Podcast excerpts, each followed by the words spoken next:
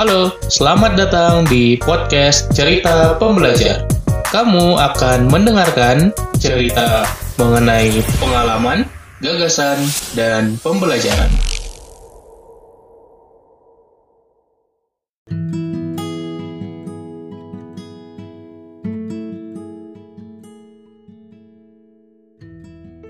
Halo teman-teman, kembali lagi di podcast Cerita Pembelajar.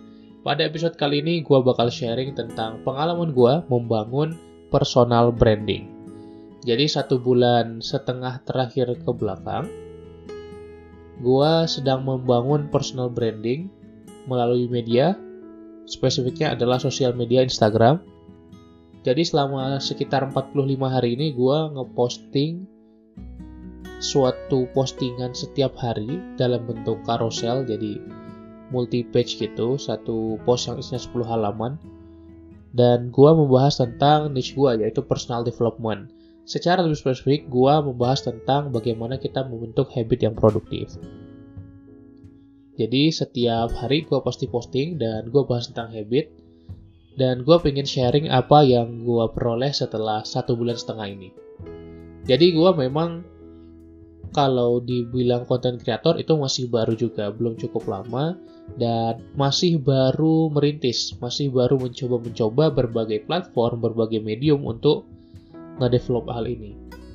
Memang yang menjadi target nomor satu gue adalah bagaimana gue nge-build personal brand gue dulu gitu. Jadi gue pengen bisa memberitahukan bahwa gue ini sebenarnya siapa sih kita semua tahu kalau personal branding itu atau branding lah itu adalah irisan dari apa yang kita mau tunjukkan dan apa yang orang lihat.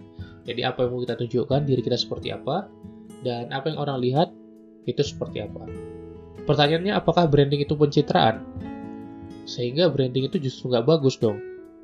Kalau menurut gue pribadi, branding itu benar pencitraan gitu. Kita mencitrakan diri kita seperti apa kita berusaha menunjukkan mengupayakan supaya orang tahu citra kita. Nah tapi bukan berarti ini tidak bagus bukan berarti tidak baik. Kenapa? Karena ya branding itu adalah hal yang netral pencitraan itu adalah hal yang netral. Jadi pencitraan itu bisa positif bisa negatif. Bisa kontennya positif atau kontennya negatif bisa juga deliverynya yang positif atau negatif. Jadi misalnya kita mau nunjukin diri kita ini adalah orang yang produktif, berarti kontennya kan positif.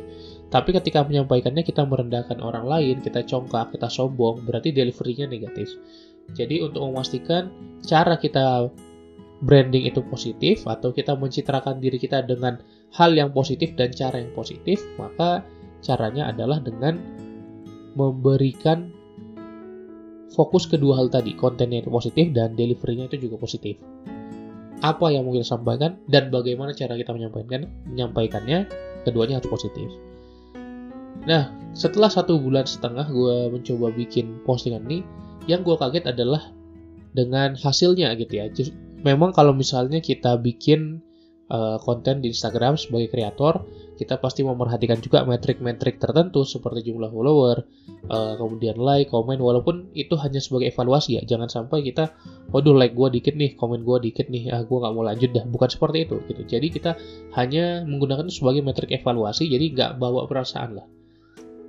Metrik evaluasi itu kita gunakan untuk optimasi ke depannya, optimasi hashtag, optimasi caption, uh, cara penulisan, copywriting, dan seterusnya.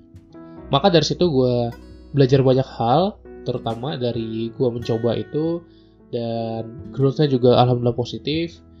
Dari pertama kali 700 sekarang udah 1,1 1100 ya follower. Dari jumlah follower engagement rate-nya juga gue kalau nggak salah terakhir lihat sekitar 12% jadi itu adalah metrik-metrik yang positif. Tapi gue nggak mau bahas itu di episode kali ini.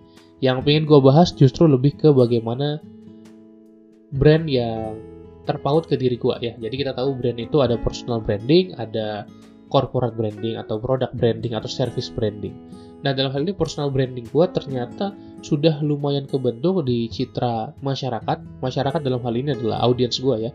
Adalah gue orang yang jago tentang habit, orang yang paham tentang habit.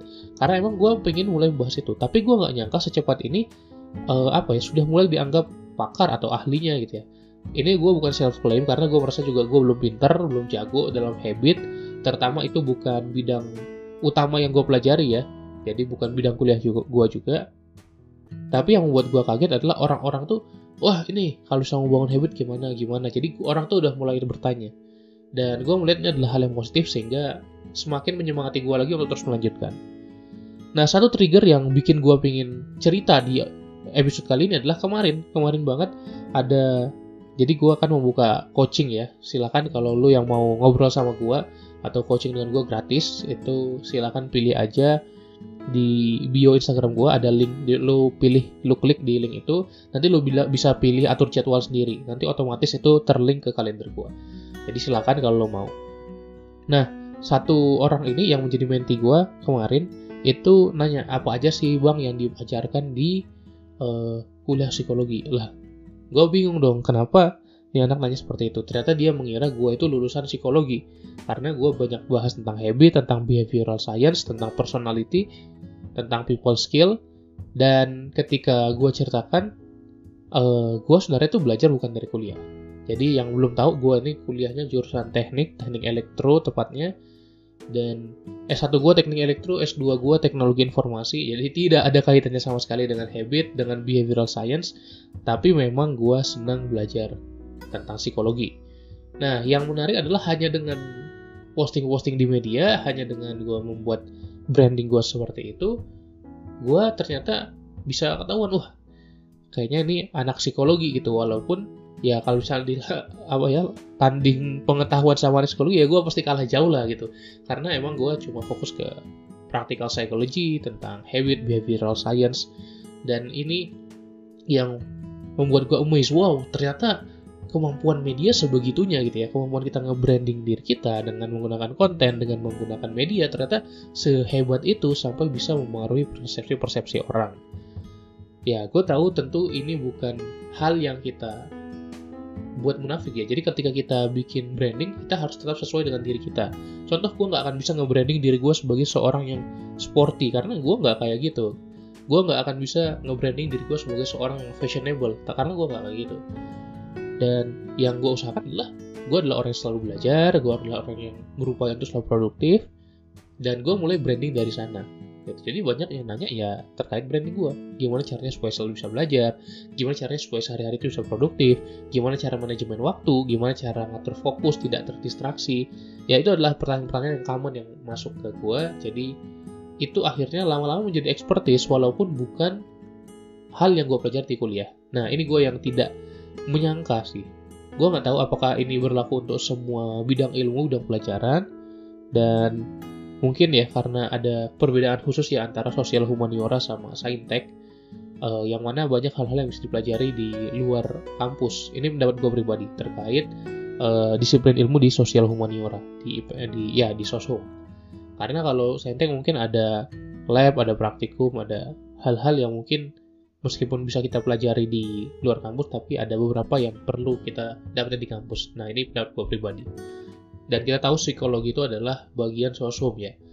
Nah jadi dari sini gue menyadari gue semakin dipandang dalam tanda kutip dipandang lumayan jago dalam bidang habit dalam bidang productivity dalam bidang learning apalagi ya dalam uh, memahami personality gitu. Jadi hal-hal itu yang gue bersyukur juga uh, dengan hal itu. Dan ternyata gue sampai track ini ya sampai saat ini gue melihat personal branding gue uh, berhasil arahnya ya. Belum sampai goal yang gue inginkan tapi arahnya udah menuju goal tersebut gitu. Jadi navigasi gue ini udah bener nih tinggal gue terus berjalan aja. Dan bahkan gue pernah diminta ngisi tentang uh, personal branding dan influencing gitu yang wow ini bukan bahasan gue sama sekali sebenarnya tapi hanya karena gue berhasil nge-brandingkan diri gue seperti ini oh ternyata dapat hal yang bisa gue share ke orang lain. Jadi gue sangat bersyukur, grateful dengan hal tersebut, dan gue pasti akan terus melanjutkan hal ini. Buat lo yang mau mulai bangun personal branding, silahkan langsung bikin entah lewat konten, entah lewat sehari-hari, bisa lewat apa pun. Kalau lo mau ngobrol bareng, yuk kita ngobrol bareng. Silahkan pilih aja jadwal di kalender gue. Caranya klik link di bio Instagram gue at pembelajar produktif. Itu aja episode singkat kali ini. Semoga bermanfaat buat lo yang baru ingin memulai atau yang pengen nanya-nanya silahkan dan kita jumpa lagi di episode berikutnya. Terima kasih, salam pembelajar.